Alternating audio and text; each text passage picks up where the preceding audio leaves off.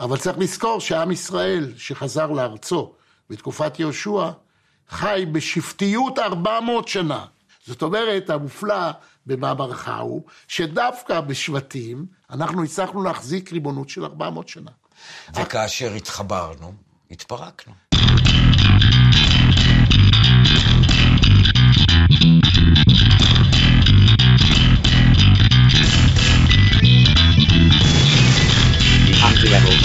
levels would be outdated, of course, before anyone started. Then on the page, too sincere, clearly regret, backward, wait, naive, anachronistic. Maybe that'll be the point. Maybe that's why they need the next real level. Real level, as far as I can see, with disapproval. בוקר טוב, צהריים טובים, אחר צהריים טובים, ערב טוב, לילה טוב. ולפנות בוקר נהדר לכם. אתם מאזינים למשדר רשת, לי קוראים ארז. משדר רשת, פודקאסט בענייני השעה, שזה מה שמעניין אותי בשעה שבה אני מדבר. יכול מאוד להיות ששמעתם, אה, או, או ראיתם, או שמעתם על, או ראיתם את אה, סרט תעודה של אה, אדם בשם רינו צרור, שהוא עיתונאי וכתב ושדר ומגיש, ואין לי מושג מה הוא עושה היום, כלומר יכול להיות שהיום הוא סתם, סתם עושה הרצאות, אבל הוא לפני כמה שנים, בשנים, ממש בשנים האחרונות, אני חושב שהוא מדבר אז על איזה... לפני שלוש שנים או משהו כזה, הוא עשה סרט שמבוסס על מחקר שהוא עשה, שמבוסס על מאמר שהוא עשה, שנקרא היהודים פעם שלישית. הטענה שלו, ועכשיו, אגב, בגלל שזה סרט יהודי, ובניגוד להרגלי בקודש, שאני לא, או משתדל כמיטב האפשר שלא, ל- לעשות ספוילרים. פה זה סרט תיעודי ויש לו פואנטה שהיא לא uh, טוויסט והיא לא עלילה וכל הרעיון הוא שזה איזשהו uh, סוג של נושא שהוא מעביר בסרט שלו ולכן אני הולך לעשות המון ספוילרים, אז אם מישהו לא ראה את הסרט ורוצה, ורוצה לדעת מה הטוויסט בסוף, אין טוויסט. ולכן אה, אני, כמובן שאם מישהו רוצה אז הוא יותר ממומלץ ללכת ולצפות בסרט קודם, ואני אשים לינק לכל הדברים וזה. מה שאני עשיתי, וזה ממש בניגוד להרגלי, אה, ישבתי וצפיתי בכל הסרט, סרט זמין, לצ... לא ראיתי אותו אף פעם, אה, שמעתי עליו, ראיתי קטעים ממנו, את הפואנטה, את הקונספט הכללי הוסבר לי, אני חושב שאימא שלי סיפרה לי על זה לפני כמה זמן, ו... הלכתי וצפיתי בכל הסרט, הלכתי, ישבתי בבית, זה סרט זמין לצפייה ישירה בווימיו ויהיה לינק, וצפיתי ממש בכל הסרט, וישבתי ורשמתי לי הערות לאורך כל הסרט, מה שאומר שזה בערך המשדר עם הכי הרבה הערות שכתבתי בחיים שלי. ואני מאוד מאוד מקווה שאני אצליח להעביר את כל מה שהיה לי להעביר על הסרט. הסרט עצמו הוא משהו כמו שעה וחצי, שעה ועשרים, אני מקווה שהמשדר לא יהיה שעה וחצי, שעה ועשרים. אני בהחלט אשתדל, יכול להיות שנחרוג קצת מהזמן המוקצב למשדר בדרך כלל, ועם המאזינים הסליחה. הפואנטה של רינו צרור, אני תכף, אה, תכף, יותר מאוחר אני אגע בדיוק איך הוא מגיע אליה ומה הוא רוצה להגיד. הפואנטה היא שמדינת, שהעם היהודי היה ריבוני בארצו, במשך כל 3,500 השנים האחרונות, היה ריבוני בארצו שלוש פעמים. ופעם הראשונה מלכות אה, דוד ושלמה, הפעם השנייה מלכות חשמונאי, והפעם השלישית זה עכשיו. ובשתי הפעמים הקודמות, המדינה, הריבונות לא שרדה את uh, רב 70 השנה, משהו כמו 71 שנה בפעם הראשונה, 60 אה, ומשהו, 64 שנים בפעם השנייה, ואנחנו עכשיו ב-70, ולך תדע איך זה ייגמר. עכשיו, יש לי, קודם כל יש לי ארגז של בעיות עם הסרט. אה, דבר ראשון, הוא מאוד סובל ממה שאני מכנה רינואיזם. לא, רינו צרור, ואני קורא את רינו צרור ומכיר אותו מאז משהו, אני אפילו לא זוכר ממתי, אני חושב שמאז שהוא אה, היה כת, אה, כתב או עורך בעיר. העיר המקומון התל אביבי ז"ל של רשת הארץ, רשת מקומוני הארץ, שהיה אחד הבאמת עיתונים שאני הייתי מחכה לסוף השבוע כדי לקרוא אותו. והוא היה העורך שלו, הוא היה כותב בו. אני זוכר שכבר אז הוא היה משתמש בקונספט הזה של אה, מלכות ישראל השלישית ובית המקדש השלישי וכל הדברים האלה. ככה שזה לא שהבן אדם אה, הלך ובדק משהו ויצא לו, אלא יש פה הרגשה מאוד מאוד רצינית שלי לפחות, ואני מודה שעוד פעם, זאת הרגשה שהגעתי איתה לסרט. ויכול מאוד להיות שהרבה מהביקורת שלי נובעת מהעובדה שאני תופס את, ה... את הסרט הזה שלו, את הרעיון הזה שלו, ואני עוד פעם, אני אגע בו מיד, אחרי שאני ככה אדבר על כמה דברים קטנים. יש לי הרגשה שמדובר פה קצת במה שנקרא לראות חץ ולסמן את המטרה מסביבו. כלומר, הרעיון שלו היה שאנחנו נמצאים במלכות השלישית, ואז הוא הלך והסתכל מתי בעצם הייתה המלכות הראשונה והשנייה, מה שאנחנו מכנים אה, המקדש הראשון, המקדש השני. והוא ניסה להבין מתי העם היושב בציון אכן ישב בציון באותם כללים ונהנה מאותה ריבונות שאנחנו נהנים היום. ויצא לו הפעמיים האלה, ואנחנו תכף ניגע בדיוק באיך הוא uh, מגדיר ומה הוא מתאר. אז זה דבר ראשון, הבעיה הראשונה. עכשיו, יש המון דברים קטנים ומעצבנים בסרט. Uh, הוא כל הזמן אומר, הוא אומר כל מיני, uh, הוא אומר נגיד עשרת אלפים חייל ולא חיילים. הוא אומר שנ, אלף שנה ולא אלף שנים, כל מיני דברים כאלה. יש לו איזו יציאה מוזרה שהוא הוא אומר למשל בממלכות החשמונאים, אז הוא לא אומר אה, יוחנן הכהן הגדול, אלא יוחנן כהן גדול. לא שלום ציון המלכה, אלא שלום ציון מלכה.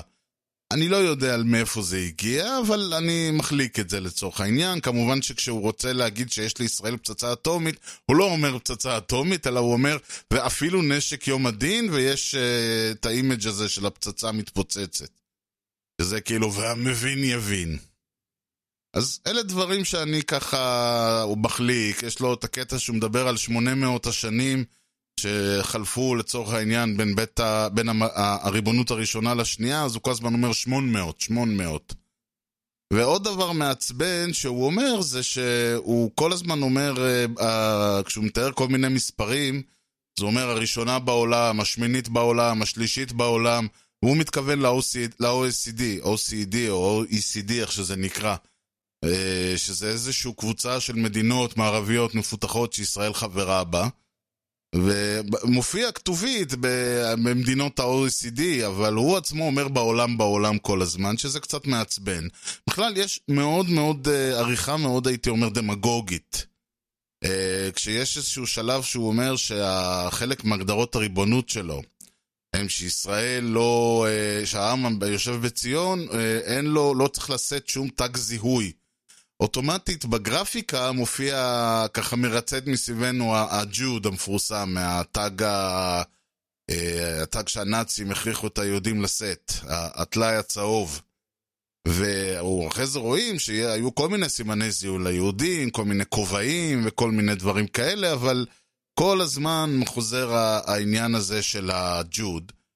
ויש כל מיני קטעים, למשל שהוא רוצה לתאר את המסע, שאת מה שקרה אחרי אה, חור... אה, אה, קריאת הממלכה של שלמה ליהודה ולישראל, אז אנחנו נוסעים במנהרה שחורה, וברקע שומעים שריפה, אחים שריפה, והוא מתאר את הסיטואציה שכביכול חיו בה היהודים, ורואים כל מיני תמונות מהשואה, וכל מיני יהודים מהגלות, וכל מיני כאלה. וכל מיני שטויות, למשל כשיש איזו שאלה, האם העם היהודי אינו יכול אה, להיות ריבוני? האם זה משהו גנטי מלידה? ורואים איזה ילד מנסה, בים יש את המקלחות האלה עם ה... צריך למשוך מין uh, שרשרת כזאת, ורואים את הילד מנסה, מנסה, מנסה להגיע. זה, זה כל מיני דברים מוזרים כאלה, ש... וכמובן שכשהילד השני, uh, כשהוא אומר, אה, ו- וכשהעם הגיע לריבונות, אז המדינה התמוטטה, ואז רואים ילד אחר מושך. אז לא כל כך ברור, רגע, אז הדימוי של הילד שמנסה להגיע לשרשרת הזאת, זה העם מנסה להיות ריבוני, ו- אבל אז כשהוא מצליח, הוא... קיצור, סמליות נורא נורא הזויה. מישהו קצת אה, נסחף עם הרעיון הזה. בכלל, יש שם עוד אחד מהבעיות שיש, כשמדברים באמת על הרעיון הזה שהוא אומר, ישראל ראשונה בעוני, ישראל ראשונה בשחיתות, או שלישית בשחיתות, ישראל עשירית בסוש... בחוסר שוויון בין המעמדים. הוא כמובן אומר ישראל ראשונה, ואז מתברר שהיא ראשונה, שלישית, עשירית. ו... בכלל, אה, אז כמובן שהוא, אה, אה, אחת הבעיות הגדולות שלי זה שאם אתה כבר רוצה לציין עד כמה ישראל מובילה בתחומים, למה לא לציין את הדבר שישראל מובילה בו ב- ב- מעל כולם, וזה ה- היחס בין ההוצאה אה, הצבאית לבין התל"ג. וזה, בזה ישראל מובילה אגב, בעולם. מקום שני, ערב הסעודית. כלומר, ארצות הברית אמנם מוציאה על ביטחון יותר מכל העולם ביחד, אבל התל"ג של ארצות הברית הוא, הוא גדול יותר משל כל העולם ביחד, או משהו כזה. התל"ג של ישראל הוא אמנם גדול, אבל אנחנו, מה לעשות, מדינה קטנה. אבל ההוצאה שלנו לביטחון ביחס לתל"ג היא הגבוהה ביותר בעולם. יותר מכל מדינה אחרת, לא רק OCD, כולם. אז יש פה איזשהו, אה, בכלל, כל מיני טעמים לפגם. ואז אה, חלק מהבעיה, ואז אחרי שעברנו את כל הסרטונים והגרפיקות והדברים היפים האלה, פתאום נכנסת ההרצאה. עכשיו, מסתבר שכמו שאמרתי, לפני הסרט הייתה הרצאה. היה מחקר, היה כתבות והייתה הרצאה שהוא העביר, אה, או, או סבב הרצאות שהוא העביר, וזאת הרצאה שצולמה בבית ברל. והאמת היא, הקאט הזה מהסרט לתוך ההרצאה זה בערך כמו שאתה, אני יודע מה, בן אדם יושב בבית ורואה סרט הוליוודי, ופתאום אה, הוא מתיישב על השלט וזה עובר ל... ל אני לא יודע מה, חיות במה צוחקות עם מיכאל הנגבי.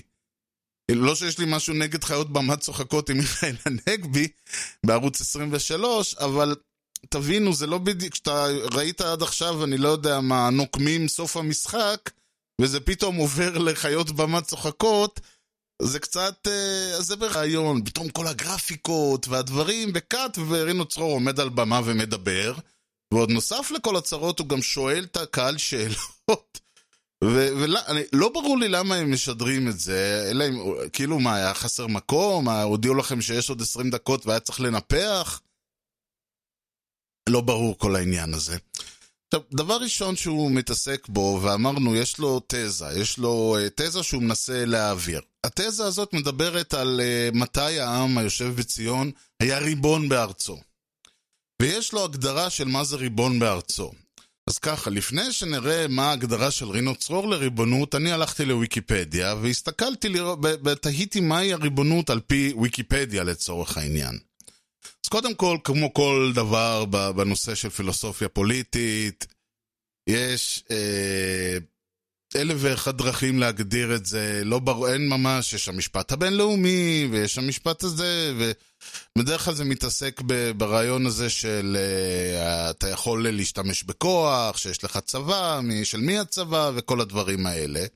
וזה מאוד מודרני מאחר ועוד פעם, ב, ב, בימי הביניים, ב, בתקופת התנ"ך, או, או התקופה הפרה-היסטורית וכל אלה, לא בדיוק, הצבא לא בהכרח היה חד, יחד עם המדינה. בכלל לא היה הרעיון הזה של nation state או משהו כזה. אבל לצורך העניין, הגדרת הריבונות כמו שמופיעה בוויקיפדיה, וזה על פי סטיבן קרסנר, ניתן להבין את המונח בארבע דרכים שונות. ריבונות מקומית, שזה אופי ומבנה השלטון במדינה ויכולת הפיקוח הפנימית של הממשל, מעניין. ריבונות תלות הדדית, אינטרדפנדנס, היכולת של הממשל לפקח על מעבר של רכוש, אנשים, מידע ורעיונות דרך גבולות המדינה. וזה מעניין. הריבונות משפטית בינלאומית, הכרה רשמית של מדינות אחרות בשליטה העצמאית מבחינה פוליטית בישות מסוימת. וזה חלק מה... זה דיון מעניין, מכיוון שישראל בזמנו, אולי עד היום, לא מוכרת רשמית על ידי מדינות בעולם, וזה... בעיה שהיא פחות uh, מעניינת את העם היושב בציון כמובן, אבל זה אכן היה עניין, וצריך, וצריך להסתכל על זה מכיוון שהתפיסה הזאת, עוד פעם, לא כל כך רלוונטית לישראל היום, כי עוד פעם, זה שמישהו לא מכיר בקיומנו מעניין את הסבתא שלנו. דבר שני, מעניין לראות עד כמה ההגדרה הזאת רלוונטית ל... ל, ל, ל, ל ישראל או למדינת ישראל או ארץ ישראל בתקופת התנ"ך, בית ראשון, בית שני או כל בית אחר שהיה במדינה הזאת. והדבר האחרון, ריבונות וסטפלית, ואין לי מושג מה זה אומר, היעדר התערבות והשפעה של סמכויות חיצוניות, כמו כנסייה, ארגון פוליטי או כל ארגון חיצוני אחר על הנעשה במדינה.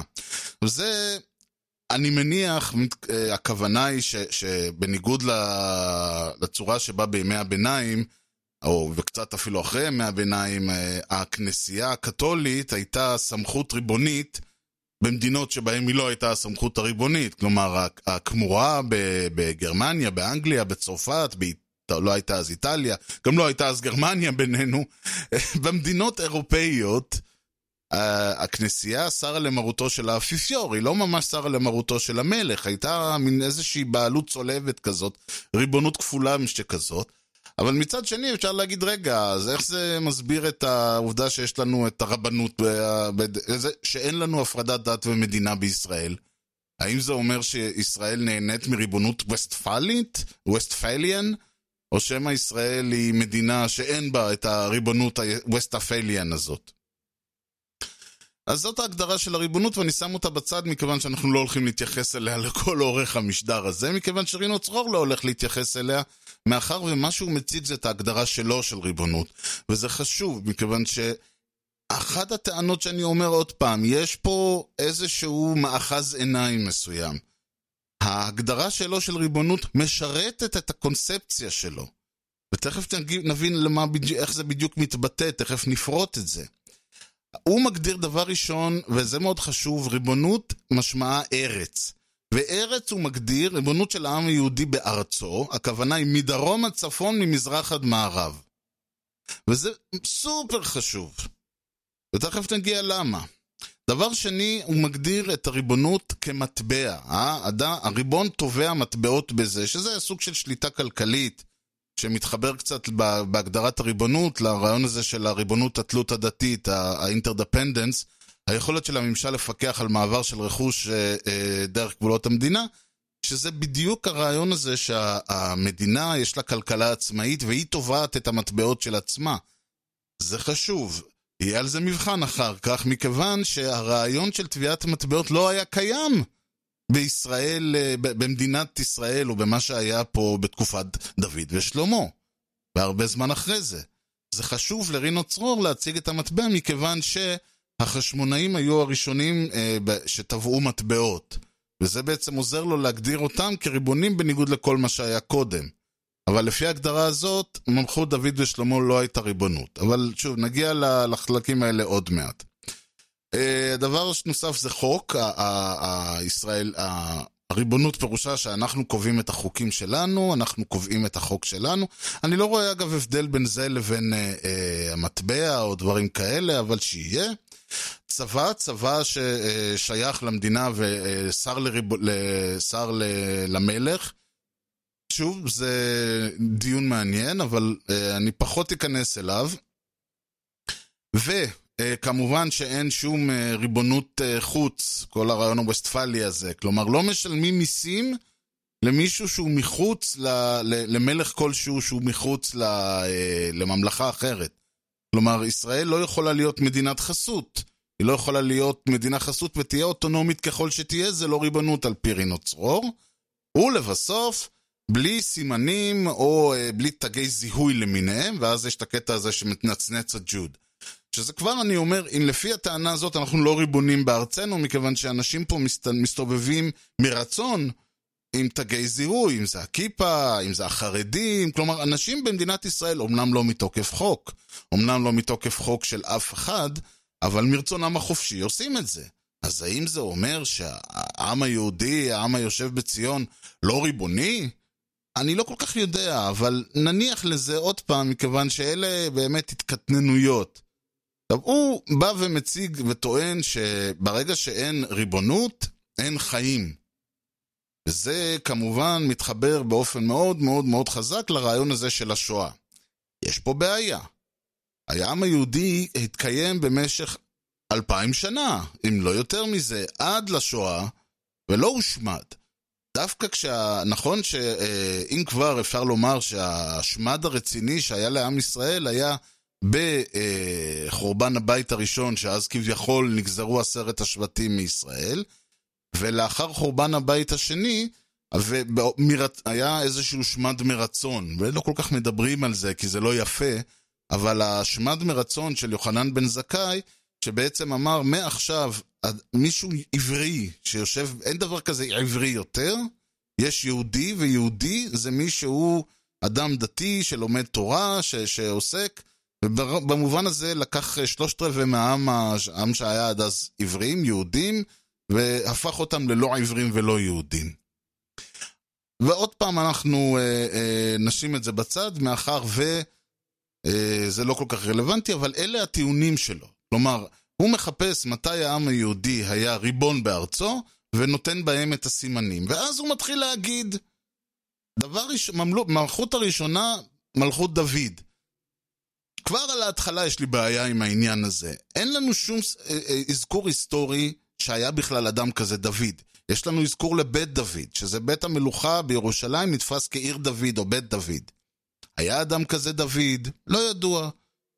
האם, אה, אם כבר דוד, למה לא שאול? למה לא לתפוס את שאול כמלך הראשון ולהתחיל לספור משאול? מה עם המרד שהיה, ואם אתה אומר שבתקופת דוד העם היה ריבון והיה כל זה, מה עם מרד אבשלום? בדיוק מתחילה הבעיה. על כל טיעון שלו אני יכול למצוא לפחות שלושה טיעוני נגד. והוא טוען במובן הזה שדוד המלך איחד את אה, כל עם ישראל מצפון ועד דרום, היה ריבון, הצבא היה שלו, הוא שלט, לא היה מלך חיצוני, לא היה זה. אגב, זה, זה בסדר, אין לי בעיה עם ההצגה הזאת, חוץ מהעובדה שאין שום תיעוד היסטורי לזה. חוץ, אבל יש לי בעיה עם הרעיון הזה שהוא מדבר על עם אחד מאוחד בארצו, וזה מאוד מאוד חשוב, מכיוון שהרבה מהטענה של רינו צרור בעניין הזה, באה לציין שהבעיה שה... במרכאות היא שברגע שאנחנו ריבונים בארצנו, מתחילו, מתחילים חילוקי דעות, נוצרות שתי מדינות, מדינת יהודה וישראל. אה, בהמשך זה הפרושים והצדוקים. כלומר, הקרע הזה בתוך העם הוא זה שגורם למדינת ישראל הריבונית להתמוטט. שזה נורא נורא יפה, אבל שוב, זה קצת להתאים מפה לשטח, זה קצת לראות חץ ולסמן מטרה, מכיוון שגם אם אני מניח שהיה עם היסטורית, שהייתה ממלכת אה, אה, דוד ההיסטורית, ואני אישית לא חושב ככה, ואני אגע בזה תכף, אני אישית לא חושב ככה, אבל אם נקבל את זה, הרי ברור לחלוטין שלא הייתה ממלכה מאוחדת, אלא מלכות דוד בפועל הייתה השתלטות של השבט, של שבט יהודה על שאר השבטים בישראל. מעולם לא היו במדינת, אה, בממלכת דוד ובממלכת שלמה ובממלכת שאול גם, לא היה מצב שבו כל העם היה עם אחד. אלא היה, אה, הייתה מדינת ישראל, והיה. שבט יהודה, ששבט יהודה עד אז שלט על עוד שבטים אחרים, כמדומני אה, בנימין וזבולון, אה, אבל יכול להיות שזה היו שבטים אחרים, והיה את ישראל שבפועל זה היה שבט אפרים, שהוא שלט על כל שאר השבטים, ובגדול, ההשתלטות של דוד, התפיסה של המלוכה על ידי דוד, זה, אני מביא את זה מהתנ"ך, לא, זה, זה לא דמיוני הפרוע, הייתה השתלטות של אה, שבט יהודה על כל השבטים האחרים. ריבונות של שבט אחד על כולם. עכשיו רינו צרונג מדבר על זה שהוא אומר ששבט יהודה היה שבט מיוחס, שלא היה לו זה, אבל הוא מפרש את זה כאילו שהיה אליטה. אתה צריך להבין עוד פעם, אנחנו מדברים פה על ימי התנ"ך, לא על אה, המאה ה-20. זה לא שפתאום אתה בא ואתה אומר כמו האשכנזים, כמו החרדים, כמו אני לא יודע מה, אלא אנחנו מדברים פה על השתלטות של שבט אחד בזכות העובדה שהמנהיג שלו תפס את השלטון על כולם, וזה לא משנה אם זו הייתה השתלטות נאורה או לא השתלטות נאורה. ואני עוד יותר אומר מזה, שהממלכת ישראל, מה שנקרא, ממלכת אפרים, אה, כפי שהיא מכונה, מעולם לא ראתה ביהודה השליט שלהם. הם ראו בדוד השליט שלהם, אבל הם לא ראו בעצמם כפופים לממלכת יהודה. ואז הוא מתאר את העניין, דוגמה לזה, שהוא מתאר את, את האופן, ש, את הסיפור של קריאת הממלכה, ולא משנה שקריאת הממלכה כבר נחזתה מראש. כלומר, בתנ"ך מופיע, לא זוכר מי היה זה, נתן הנביא אולי, או מישהו אחר, שהולך לירובעם בן נבט, ואומר לו, ומושך אותו למלך, על אה, מושך, הוא מכריז עליו כמלך, יהיה את הפרק בזה, כי אני כרגע מדבר מהזיכרון. אומר לו, אתה תהיה המלך כי קראתי את הממלכה מיד דוד וכל השטויות האלה. אז בסדר, אם אנחנו, לוק... אם אנחנו לוקחים את התנ"ך כגוספל, אם אנחנו לוקחים את התנ"ך כספר היסטוריה, אז זה יפה להגיד שהממלכה נקרעה בגלל שרחבעם היה אידיוט, אבל בפועל הממלכה נקרעה כבר pre-determined, כלומר מראש הרש... הכל קבוע היה. הרשות אמנם ניתנה, אבל הכל היה קבוע.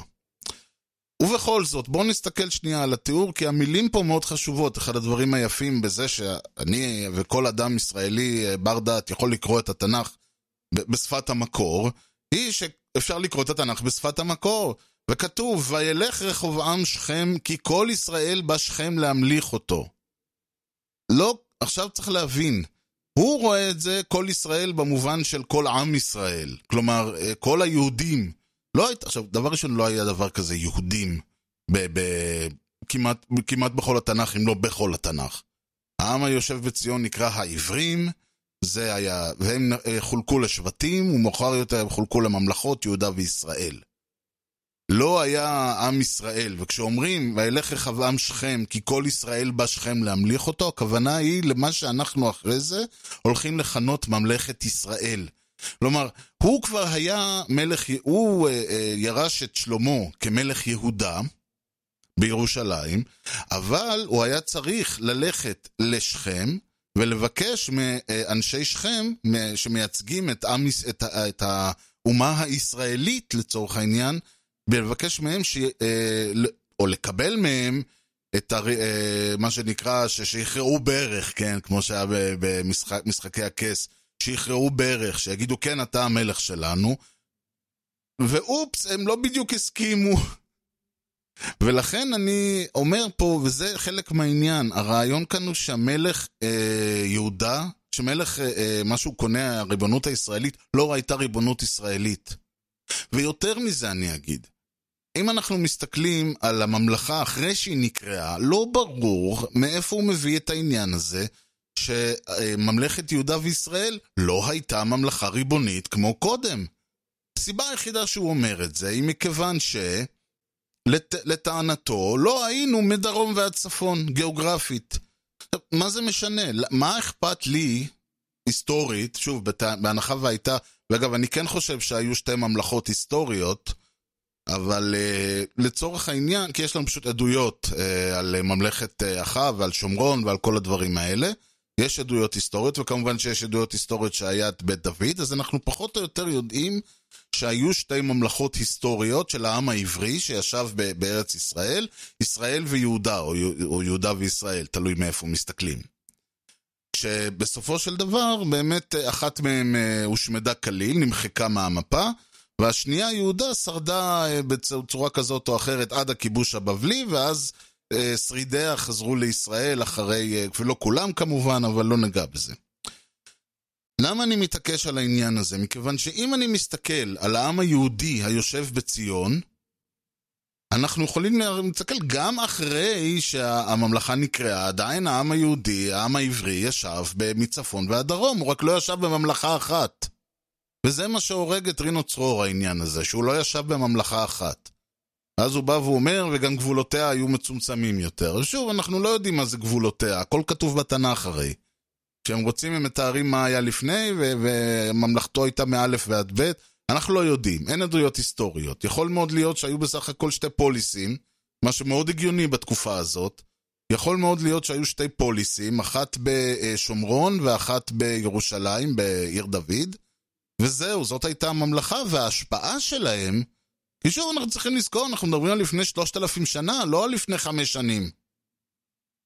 היו, אז היה יותר הגיוני, מה זה בבל, מה זה אשור, מה זה רומא, מה זה אה, אתונה, מה זה ספרטה, זה לא ממלכות כמו שאנחנו תופסים את הממלכה האנגלית, או את uh, ממלכת צרפת, או את הקיסרות הרומית הקדושה, או את ארצות הברית, או את ישראל המודרנית. אלא היו פוליסים, עיר דוד, ירושלים, יבוס, שומרון, בית אל, או שכם, כל הדברים האלה. בבל, שומרון, מצרים שהייתה בפועל די מרוכזת בכמה ערים. היו פוליסים, והפוליסים האלה הייתה להם השפעה נרחבת על אזורים גדולים מסביבם, מכיוון שלא היה אף כוח צבאי בסדר גודל שלהם. והפוליס, אותה פוליס ירושלים, עיר דוד, תפסה בתקופה מסוימת, ככל הנראה, בהנחה וזה היה היסטורית, ואני אישית טוען שלא, אבל בהנחה ש, שכן, אז הם פשוט תפסו אה, אה, שלטון, הם, הם אה, איחדו במרכאות את כל השבטים מסביבם תחת ממלכה אחת, שזה בערך כמו אה, המיתוס על המלך ארתור ששלט על אה, כל העם הבריטוני. כאילו שהיה דבר כזה אי פעם. ולכן אני עוד פעם אומר, הרעיון כאן הוא התאמת מפה לשטח. להגיד שה-300 שנה שחלפו מקריאת הממלכה ועד אה, הרס בית ראשון, לא היו, ישראל לא הייתה, אה, אה, סובע, לא הייתה ריבונית בארצה, אני לא בטוח. להגיד שהם תמיד, הם, מאותו רגע הם תמיד, הם לא שילמו מס לאף אחד אחר.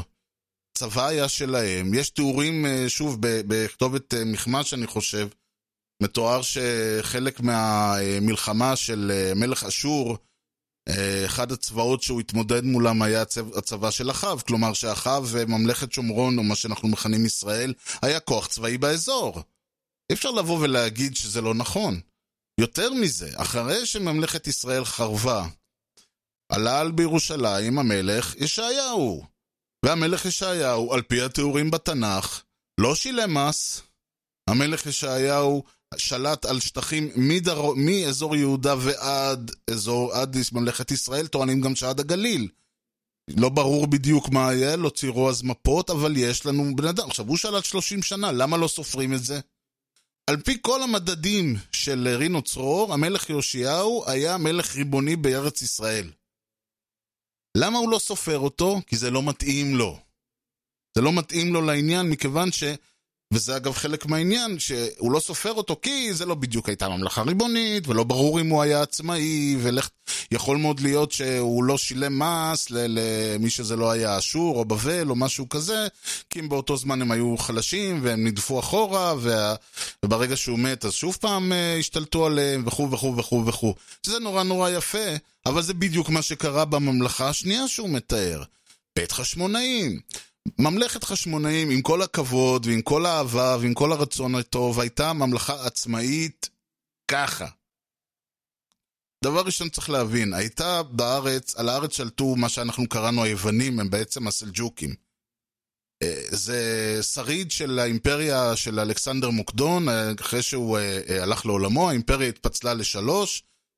מה שהיה האזור של מצרים וצפון אפריקה נתפס על ידי שושלת תלמי. מה שהיה כל האזור היווני והזה נתפס על ידי מישהו שאני לא זוכר, וכל האזור של... מהר מאוד כמובן, כל האזור של הודו ופרס וכל זה הכריז עצמאות, אבל כל האזור של הלבנט, מה שנקרא, נתפס על ידי הסלווקים או הסלג'וקים, מה שאנחנו תופסים, מה שאנחנו מכירים כאנטיוכוס וכל אלה. ובכל זאת, מה לעשות, הכוח שלהם לא תמיד היה, ושוב, כי מדובר עוד פעם במעט אנשים ששולטים על שטחים מאוד גדולים, האימפריות האלה, והיה קשה מאוד להחזיק, לשלוט באופן מלא על כל האזור. וחלק מהעניין היה שהתחילו באמת לסגת שם, הסלווקים, הסלג'וקים, התחילו לסגת ו- וכתוצאה מהעניין הזה, ולמה הם נסוגו אגב? כי ב- במזרח, סליחה, במערב עלה כוח חדש, הרפובליקה הרומאית, שהתחילה לנגוס את כל האזור של יוון ואסיה הקטנה, מה שמכונה היום טורקיה, ועשה לאנטיוכוס ולאנשיו סיוטים מפה ועד הודעה חדשה, שממש לא היה להם כוח להתעסק בפרובינציה הקטנה הזאת, שטוב, זאת לא הייתה פרובינציה אז, באזור הזה של ישראל. לא, היה להם כוח להתעסק עם השטויות האלה, מה עוד ש... ואז מה שקורה ברגע שיש ואקום, אין ואקום מתמלא ונהיה מרד. כי זה טבעו של עולם. ברגע שיש לנו אימפריה, והאימפריה הזאת כוחה מתחיל להיחלש, ולא משנה מאיזה סיבה, המדינות שנשלטות תחתיה יתחילו להתמרד, מכיוון שבאותו רגע הם שמים לב שהשליט כבר לא כל כך שולט. אם זה שליט חיצוני, אז הם כמובן ינסו לגרש אותו. ואז בסופו של דבר קורית הסיטואציה שבה המרד מצליח. הוא מצליח לא כי היהודי, המעטים ניצחו את הרבים, אלא כי לסורים, היוונים, הסלווקים, לא היה ממש כוח להתעסק עם המרד הזה. היה להם את הרומאים על הראש, ולכן הם החליטו באיזשהו שלב להפסיק לשלוח דברים, ואז כש... הם אמרו, טוב, מאחר ואם אנחנו ננסה לגבות מס מהאנשים האלה, הם ימשיכו למרוד ולטבוח ולעשות לנו בלאגנים, אנחנו פשוט מוותרים על המס. וזה בדיוק אגב מה שקרה עם הסיפור של ישעיהו. זה לא, זה לחלוטין אחד לאחד מה שקרה באותו סיטואציה, רק שלא היה מרד.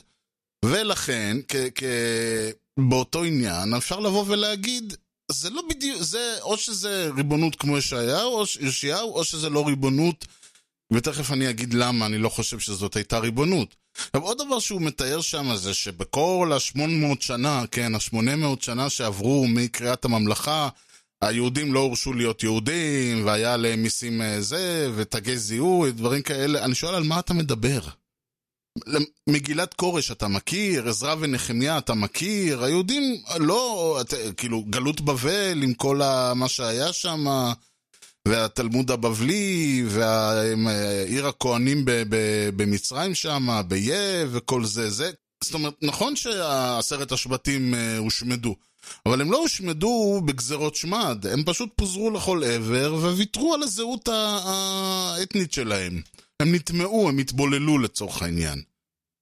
בפועל הגזרות, גזרות השמד שאנחנו מדברים קורות רק בשלב שבו האחיזה של אנטיוכוס, של הסלבקים במדינת, בישראל, כן, באזור הזה של אה, ירושלים ומודיעין ובית שמש וכל האזור הנחמד הזה, יהודה, האחיזה שלהם מתערערת, ולכן הם נאלצים, במרכאות, לנסות לנתק את ה... שוב, לנתק את הזהות האתנית של האנשים שחיים פה, על ידי מה שאנחנו מכנים היום גזרות שמד. והתוצאה הייתה שנוצר איזשהו מרד, מכיוון שברגע שאתה בא, בא לאנשים ואומר להם, טוב, עד עכשיו חייתם כעם ואנחנו שלטנו עליכם, עכשיו אנחנו גם רוצים שתפסיקו לחיות כעם, אז בנוסף לעובדה ש... איך אומרים, מריחים דם במים, למרות שבמשטר קודם טענתי שזה לא ממש אמיתי. כל הדברים האלה הובילו לכך שנהיה מרד. והמרד הזה אה, הצליח, סוג של, וכתוצאה מזה המדינה אה, הוקמה. ולא בדיוק אה, להגיד אם היא הייתה מדינה עצמאית, עד כמה היא הייתה מדינה עצמאית, עד כמה היא הייתה מדינת חסות בלי לשלם מיסים של האימפריה, של הרפובליקה, סליחה, עוד לא הייתה אימפריה הרומאית, עוד מעט תהיה, אבל בשלב הזה עוד לא. שאלה מעניינת. אבל מה, שב, מה שבטוח זה שאני לא תופס לפי ה... כלומר, ועכשיו הוא בא והוא אומר, כן, והיה צבא, והיה זה, ואלעזר ינאי הרחיב את הגבולות. עכשיו שימו לב, אלעזר ינאי מרחיב את הגבולות של המדינה. איך אלעזר ינאי בדיוק מרחיב את הגבולות? אם יש לנו את האימפריה הסלבקית אה, יושבת להם על, ה- על הראש. אה, הפתעה, האימפריה הסלבקית כבר לא יושבת עליהם על הראש, הם ניגפת ונעשית, ולכן עוד פעם נוצר ואקום, והם משתלטים על הוואקום הזה. ולמי זה נוח הסיפור הזה שיש כוח אה, צבאי עצמאי שרק רוצה להיות עם חופשי בארצו? לרומאים. ולכן הרומאים בשלב הזה מאש, מרש, אה, לא עושים הרבה בלאגן והרבה השתלטים ועושים כל מיני... אה, תופסים בעלות על האזור, לא הופכים את ישראל לפרובינציה בפועל, מאחר וזה מתאים להם בשלב הזה, כי חוס, ככל שישראל עושה יותר נזק באזור, וככל שיהודה עושה יותר נזק באזור, ככה הרומאים צריכים לשלוח פחות לגיונות כדי, אה, והם יכולים להתמקד בצבאות הגדולים ולא לעשות להשליט סדר. אוקיי. ואז הוא מתאר את הסיפור של אה, שני האחים, הבנים של, אה, של שלום ציון אלכסנדרה. הוא מתאר את שני האחים האלה ש, שהתווכחו ביניהם. ואז הוא מתאר את ה, מה, מה שמכונה המאבק בין הפרושים לצדוקים, ואז יש סיפור מעניין. שני האחים הולכים כל אחד אה, אה, עצמאית, פלוס משלחת של הציבור לפומפיוס, פומפי, כן? פומפיוס הגדול, המפואר, שיושב אה, בדמשק או משהו כזה. זה קצת מוזר. אם יש לנו שני... אה, אה, עכשיו, הוא מתאר שכאילו היהודים ויתרו על הריבונות, אני לא כל כך קונה את זה, מכיוון שכל הסיפור הזה מתואר כיש מלחמת אזרחים, ואז הם באים לרומאים ואומרים, טוב, אנחנו דורשים שתשליטו סדר. אנחנו לא... כלומר, זה לא כל כך מתאים לתיאור הזה של הריבונות. הרי אם יש לנו ריבונות, הרי אנחנו לא נלך לאמריקאים ונגיד להם, טוב, תבואו לפה, תתפסו בעלות. מדינה ריבונית לא יעזור, לא הולכת לעם זר כובש ואומרת לו, קח, לי, קח את הריבונות, זה לא קורה בשום מקום, לא מוכר לי הסיפור הזה, אולי יש, אני לא יודע. מה שהוא מתאר זה מדינת חסות אה, אה, דה פקטו, או אה, לא על, על הנייר, אבל בלי אה, מיסים ובלי זה. ואגב, כל הקטע שהחשמונאים תובעים מטבעות, אני לא יודע להגיד עד כמה זה בתקופה הזאת נחשב ריבוני, אולי בתקופה הזאת זה נחשב סופר ריבוני, אני לא יודע. לתביעת מטבעות יש חשיבות, אין ספק. אבל יש לה גם חשיבות כלכלית ושליטה על ערך המטבע והרבה דברים אחרים, וזה בדרך כלל מדבר על זה שהכלכלה חזקה, שיש יציבות במדינה. הריבונות, שוב, אין שום בעיה, מכיוון שכל עוד הרומאים לא אה, משולטים פה פיזית, אין להם שום בעיה שתעשה את כל הדברים האלה. אבל נניח לזה רגע. עצם הגישה הזאת שהם אה, באים אליו ומבקשים שכל אחד מבקש אה, זה אומר תמליך אותי, וזה אומר תמליך אותי, וזה אומרים תמלוך בעצמך, זה לא בדיוק אה, מדינה ריבונית, אלא זה לחלוטין אה, מדינת חסות שהולכת לבוס ואומרת לו, טוב, נהיה בלאגן. ו... ואז פומפיוס נכנס לירושלים ומשתלט עליה. מה בדיוק פומפיוס... כל הדברים האלה הזויים בעיניי, כלומר התיאור הזה. בואו, אבל בואו שנייה נחשוב על זה רגע. פומפיוס נמצא בדמשק. הסיפור עם הסלווקים מסתיים. פומפיוס אה, רוצה לספח את ישראל כפרובינציה. שומעים את זה היהודים היושבים ביהודה, ואומרים, רגע, רגע, אם הולך להיות כאן אה, מהפך, אם אנחנו הולכים אה, להיות אה, פרובינציה רומאית, כדאי שאני אדחוף את האינטרסים שלי מה שיותר. וכולם רצים לבוס החדש, ואומרים לו, תשמע, לפני שאתה מגיע, רק שתדע, אנחנו האנשים שלך. אני לא כל כך יודע, וחוץ מזה, ואם לא היו הולכים אליו, מה, לא היו נכבשים מראש? לא היה, הרומאים לא היו דורסים, כאילו שמדינת אה, יהודה החשמונאית הייתה מסוגלת לעמוד מול הליגיון הרומאי, נו באמת. אז אם הם לא היו הולכים ומתחננים, סביר להניח שהם היו נכבשים בכל מקרה, לא בטוב אלא ברע. ולכן, עוד פעם, לא לתאר את כל הסיטואציה הזאת קצת בעייתית לי. בכלל, כל המספרים האלה שהוא זורק, שרק 4% מההיסטוריה שלנו היינו ריבונים, אני לא, תופ... אני לא מבין את זה. אם אנחנו מסתכלים, מתי היינו, קודם כל העם אה, אה, היהודי היה בגולה אלפיים שנה, מתי בדיוק הוא היה רוצה שנהיה ריבונים בארצנו?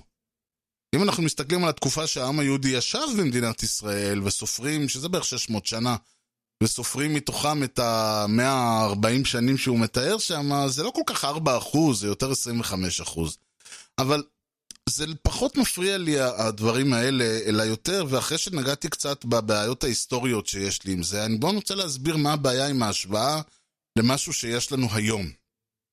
דבר ראשון, ישראל דמוקרטית, וחשוב לי לציין את זה. כמו שחשוב לי לציין שבתקופת שתי הממלכות, זה לא שמדינת ישראל הייתה אה, כמו היום מדינה אחת גדולה, מה שמכונה באנגלית nation state, העם והמדינה והארץ חד המה, אלא זה היו פוליסות, פוליסות כאלה, ערי מדינה. באותה תקופ... באותו מובן, היום אנחנו דמוקרטיה, אנחנו מדינה דמוקרטית. וכל הזמן אומר, העם, האזרחים פנו לזה, והאזרחים והאזרחים, צריך לזכור שהם לא היו אזרחים, הם היו נתינים. אנשים תחת, תחת דוד ותחת שלמה וירבעם ורחבעם וכל הממלכת אה, שומרון וישראל ויהודה ועד אה, וממלכ, וממלכת אה, אה, ינאי, סליחה, חשמונאים וכל זה, הם לא היו אזרחים, סליחה, הם היו נתינים. ההבדל היחיד בין אם המצרים שולטים בישראל, ביהודה, או עם האשורים, או עם הבבלים, או עם היוונים אה, סלבקים, או עם אלכסנדר מוקדון, או עם הפרסים, או עם הבבלים, או עם הרומאים, זה רק למי אתה משלם מס. זה לא עניין אף אחד מי שולט, מכיוון שלא הייתה לזה שום משמעות, לא היית מקבל יותר זכויות. אה, אם כל עוד מבטיחים לך את כל החופשים וכל הדברים האלה, זה לא משנה כל כך שהמלך הוא משלנו. אלא בסופו של דבר אתה בא ואתה אומר, אוקיי, אני מעלה מס ל- ל- לירושלים, מה זה משנה אם, איך, אם קוראים למלך הזה חזקיהו, או שקוראים למלך הזה פונטיוס פילטוס. עכשיו, יש כל מיני דברים, למשל כשהוא מתאר את הפנייה של הפרושים, הצדוקים והאחים, אה, אה, שאני לא זוכר את שמותיהם ממש, לפומפיוס, אז הוא אומר, מאחורי כל האח, חצי מהמדינה, חצי מהעם. זה שטויות. זה שמאחורי, זה, הפרושים והצדוקים לא היו העם, עם כל הכבוד. בואו נשים דברים על השולחן. הפרושים והצדוקים היו האליטה. הם היו השפיץ של הפירמידה, וישבו בסנהדרין, וניהלו את הכהונה והחקיקה. הם היו, זה בערך כמו להגיד המאיון העליון. הם לא היו העם. העם לא עניין מי ימלוך עליו. מה זה משנה? העם לא היה, לא הלך והצביע. והפרושים לא היו העם, אולי הם, היו, הם לא היו האליטה האצולה ששלטה בכהונה וכל הדברים האלה, והם ייצגו אולי יותר את ה... אני יודע מה, הם היו יותר העם, אה, ייצגו את הסוחרים ואת הדברים האלה, אבל הם עדיין לא היו העם, עם כל הכבוד לך. עכשיו, חלק מהסיבה שאנחנו תופסים היום את הפרושים כעם, וזה במאמר מוסגר, זה מכיוון שבסופו של דבר היהדות שאנחנו, קיימ, שכיום קיימת, היא יהדות פרושית. כלומר, שוב, אם אנחנו חוזרים למה שעשה יוחנן בן זכאי, יוחנן בן זכאי מייצג את הפרושים, לא את הצדוקים. הצדוקים הלכו ברגע שבית המקרש חרב, ובגדול הפרושים הפכו להיות, אה, והיו עוד כמה כתות בעם, כן, היו הקנאים והיו איסיים וכל מיני כאלה, אבל בגדול זה הפרושים הצדוקים. זה היו ההנהגות הגדולות, ואנחנו מדברים פה על הנהגות. זה כמו להגיד שהמאה ה-20 אנשים שיושבים בכנסת זה העם. הם מייצגים את העם, אז הם אפילו לא ייצגו את העם כי אף אחד לא בחר אותם. אבל לצורך העניין, מי שקובע, מי שכתב את ההיסטוריה של הפרושים מול הצדוקים, זה בסופו של דבר הפרושים, כי את ההיסטוריה כותב מי שנשאר, לא מי שחי. עכשיו, מדינת ישראל, כמו שאנחנו יודעים, נוצרה כמדינת ישראל. היא, היו במדינת ישראל מלכתחילה שני, אה, היה את ה, אה, מה שנקרא אה, ההסתדרות ומפא"י ובן גוריון וכל זה, שבסופו, היה כמובן עוד כל מיני זרמים בציונות שלא תפסו מקום, והיה רוויזיוניסטים שהיו יחסית מיעוט, אבל בסופו של דבר רוב העם, ההגנה, ההנהגה וכל הדברים האלה, זה היה העניין הזה, והם הקימו את המדינה פחות או יותר כמדינת ישראל. עם הזמן, נוצרה בתוך העם ותפסה תאוצה, תמיד היו פלגים אה, אה, פנאטים, משיחיים וכל הדברים האלה בתוך העם, ו- וכל מיני אנשים, אה, כל מיני אנשים כאלה ואחרים שניסו אה, לשנות אה, או לתפוס או להפ- לעשות איזה הפיכונת או דברים כאלה, אבל בגדול זה אנשים ש... כלומר, אי אפשר לבוא ולומר שאנחנו נמצאים, שהעם הזה היה שתי מדינות מלכתחילה. אי אפשר לבוא ולהגיד שהעם היה שבטים שבטים, מכיוון שלא ממש היה שבטים שבטים. גם, שוב צריך לזכור שהיה לנו, בניגוד לממלכה הראשונה שבה העם חי בארץ, לפני שהוא נהיה ריבוני.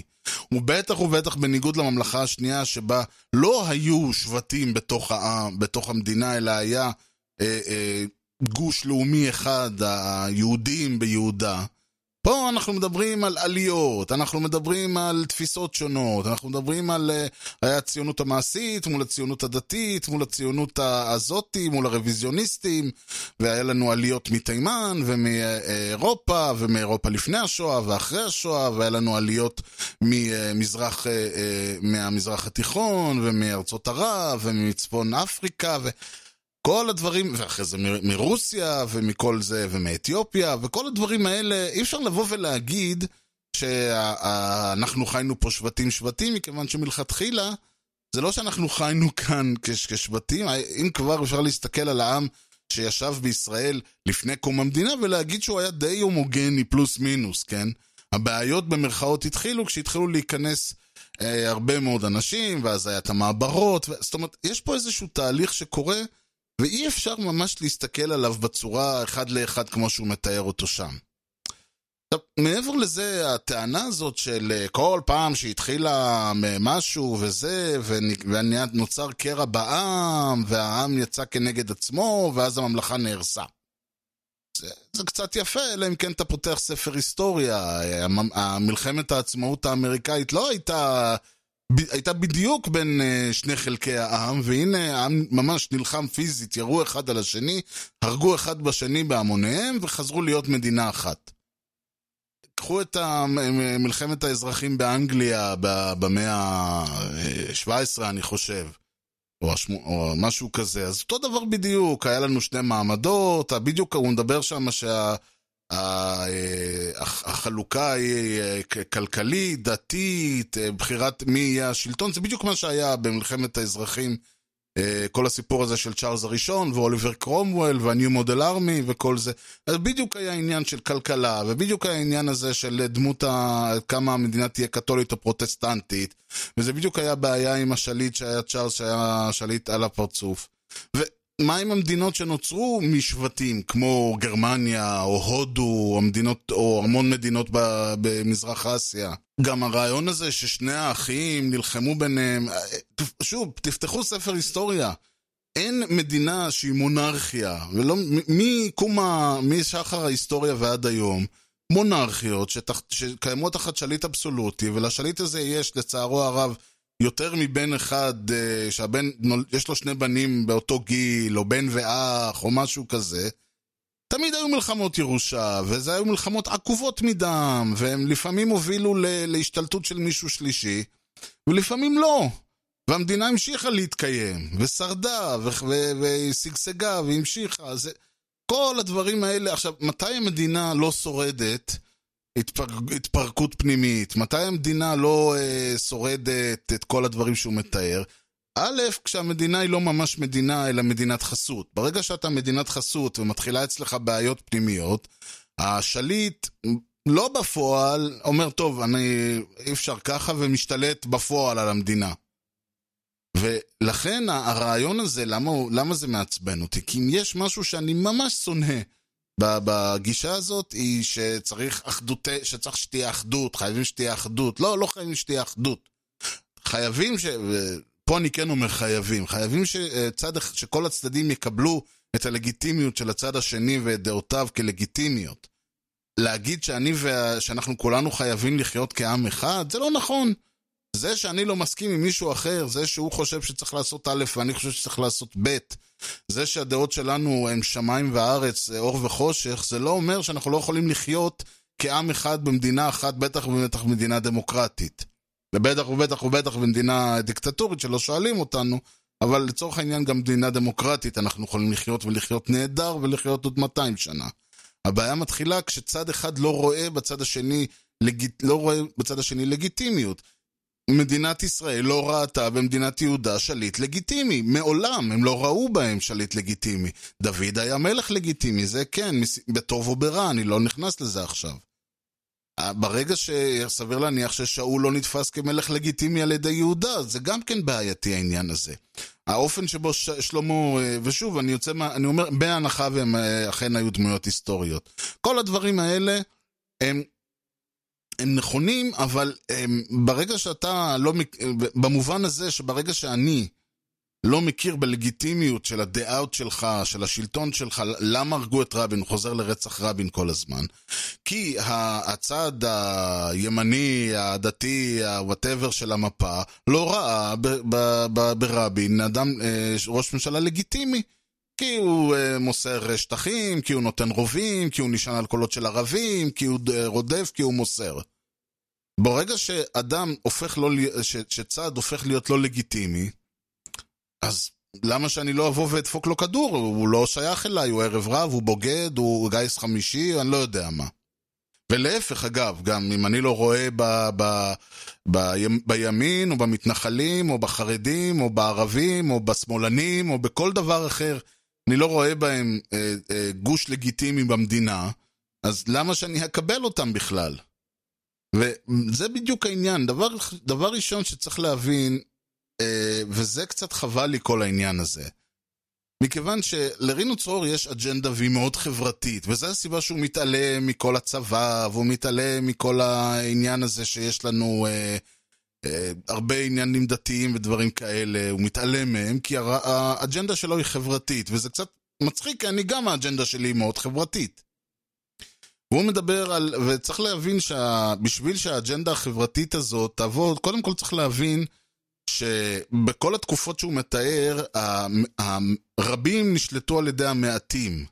זה לא שהיה עם, וחלק מהאנשים היו מורמים מעם, אלא שממש היה שלטון, שלטון של שבט יהודה, שלטון של בית חשמונאי, הצדוקים או מה שזה לא יהיה. היה שלטון צנטרליסטי, דיקטטורי, מונרכי מרכזי, שעשה כאוות נפשו ושלט על כל האחרים. והתוצאה הייתה שברגע שבא צד אחר, ברגע שבא אה, אה, מישהו אחר ו... וכביכול הבטיח הבטחות, או עשה מעשים, או קרא את הממלכה, או, או הגיע הרומאים, או הגיע אני לא יודע מה, הבבלים, או מי שזה לא יהיה. לא היה שום אף אחד שיבוא ויגיד, לא, טוב לנו עם הבן אדם הזה, בוא נישאר איתו. וזה אגב חלק מהרעיון הזה, כי פה בא לצורך העניין, יכול לבוא מחר כמו שהיה שרון, ועכשיו נתניהו תפס את העמדה הזאת, ו- וגנץ אה, כל פעם, אנשים נוהרים אחרי המנהיג הבא, מכיוון שאין שום סיבה שאנחנו נישאר אצל המנהיג הנוכחי. מי הוא ומה הוא? למה, איזה זהות יש לי איתו? טוב, רשמתי לעצמי עוד הרבה דברים להתעסק עליהם, ואני חושב שהרעיון הזה של ה... שצריך להבין, הבעיה העיקרית שלי פה היא שהוא מה שהוא מציג בסופו של דבר היא לא של, שלטון עצמאי של העם בארצו, אלא שלטון שבו קבוצה מסוימת תופסת את השלטון על פני כל הקבוצות האחרות. עכשיו, אנחנו עוד לא שמה, אנחנו אולי בדרך לשמה.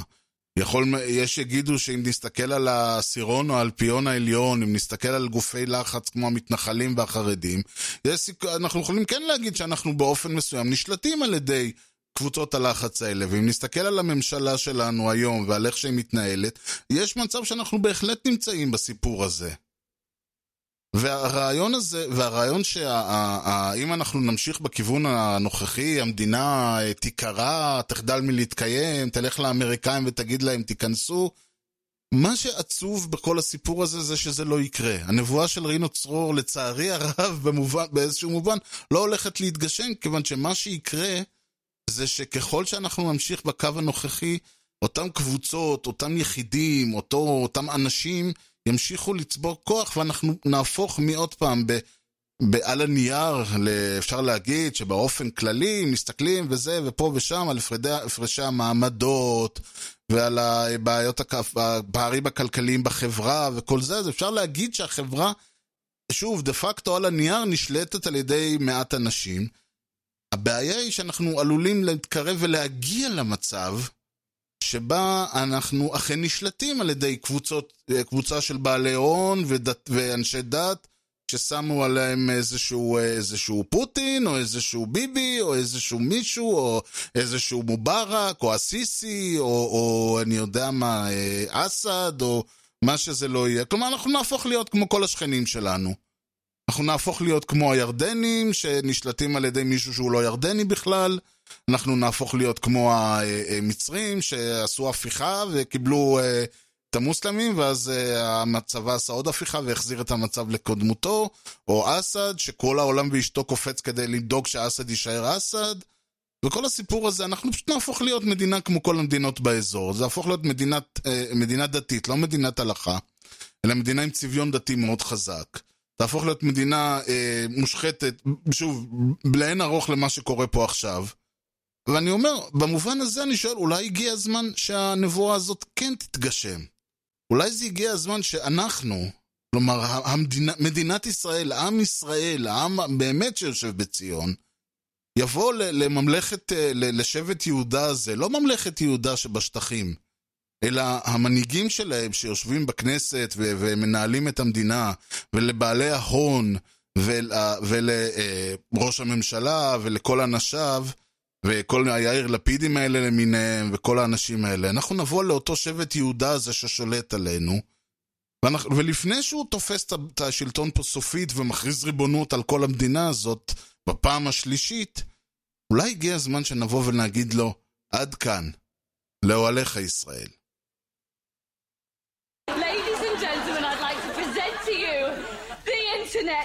זהו, ועד כאן אה, משטרנו להפעם, אני רואה שקצת אני ככה מגרד את השעה, זה בסדר, המשדרים הקודמים היו, היו פחות משעה, אז עכשיו זה יהיה שעה, לא נורא. אני מקווה שהצלחתי לגעת באמת בכל הנושאים, אני... היה, אני אומר, חצי מהדברים שהיו לי לא, לא ציינתי, כי זה כבר... אני באמת, יכולתי לנתח את הסרט הזה מבחינה אה, קולנועית ומבחינה דבר... מאלף ואחת בחינות. העדפתי שלא, בגלל שהיה לי חשוב להתמקד בנתונים החשובים. כמובן שאם יש למישהו איזושהי שאלה, טענה, מענה, רעיונות, שאלות, כל דבר אחר שקשורים למשטר הזה או לכל משטר אחר או למשטרים עתידיים, או שאתם רינו צרור ורוצים להגיד לי שאני מדבר שטויות. אתם מוזמנים לעשות את זה, האימייל שלי הוא אה, ארז, שטרודל משדרשת נקודה סיון נקודה אייל. ארז E-R-E-Z, משדרשת כותבים כמו ששומעים. משדרשת, co.il זה גם האתר, אפשר למצוא שם את כל הלינקים, אני אשים לינק לסרטון ולכל מיני טריילרים, אני אשים לינקים לכל מיני דברים שאני קראתי ומהוויקיפדיה ומהאינטרנט, ככה כדי להבין יותר על מה אני מדבר, ואני עוד פעם אומר, זה אחד המשדרים שעשיתי יותר uh, קריאה, אני מקווה ש... אני לא אשים הכל, כי יש הרבה זבל ויש הרבה שטויות, ונכנסתי לתנ"ך ול... זה, אבל אני אשים ככה כמה מראי מקום שאפשר יהיה להבין קצת על מה אני מדבר. אה, בזה אפשר למצוא במשדרשת co.il, וכמובן אפשר למצוא שם את הלינקים ל-RSS ולכל משדרי העבר, וליוטיוב, ולספוטיפיי וסטיצ'ר ואפל פודקאסט, ונדמה לי שכיסיתי את כל האופציות האלה. כמובן שאפשר להמשיך את השיחה ואת הדיון ואת כל הנושא הזה גם בטוויטר, הטוויטר הוא twitter.com/ארז, וגם בפייסבוק, שזה facebook.com/משדרשת. ועכשיו באמת עד כאן משדרנו להפעם, אני מאוד מאוד רוצה להודות לכם על שהאזנתם, אני מקווה שנהניתם. כך או כך, אנחנו בהחלט נתראה במשדר הבא, ועד אז אני הייתי ארז, ושיהיה לכם המשך יום נהדר, ולהתראות.